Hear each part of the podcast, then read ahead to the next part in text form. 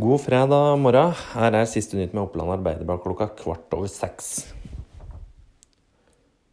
Rema 1000 ved Gjøvik stadion i Gjøvik sentrum ble kåret til den beste butikken i regionen både i 2017 og i 2018.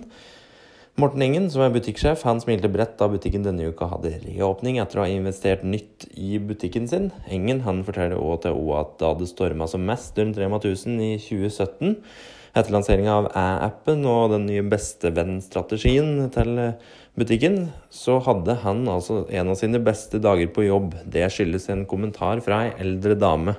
Mer om denne saken, butikken og Morten Engen kan du lese på oa.no nå.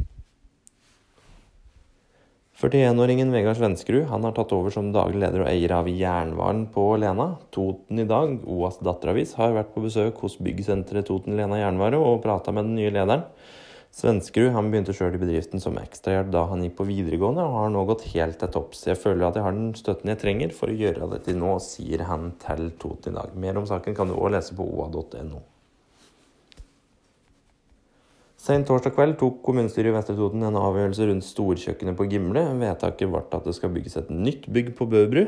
Blant de fremmøtte var det veldig god stemning etter avgjørelsen, og tårene rant blant enkelte.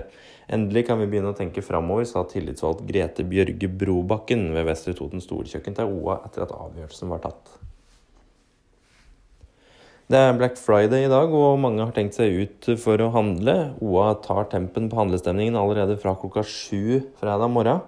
Og vi oppdaterer utover hele dagen ettersom handelen løper av sted, og oppdaterer deg på de siste nyhetene rundt dette.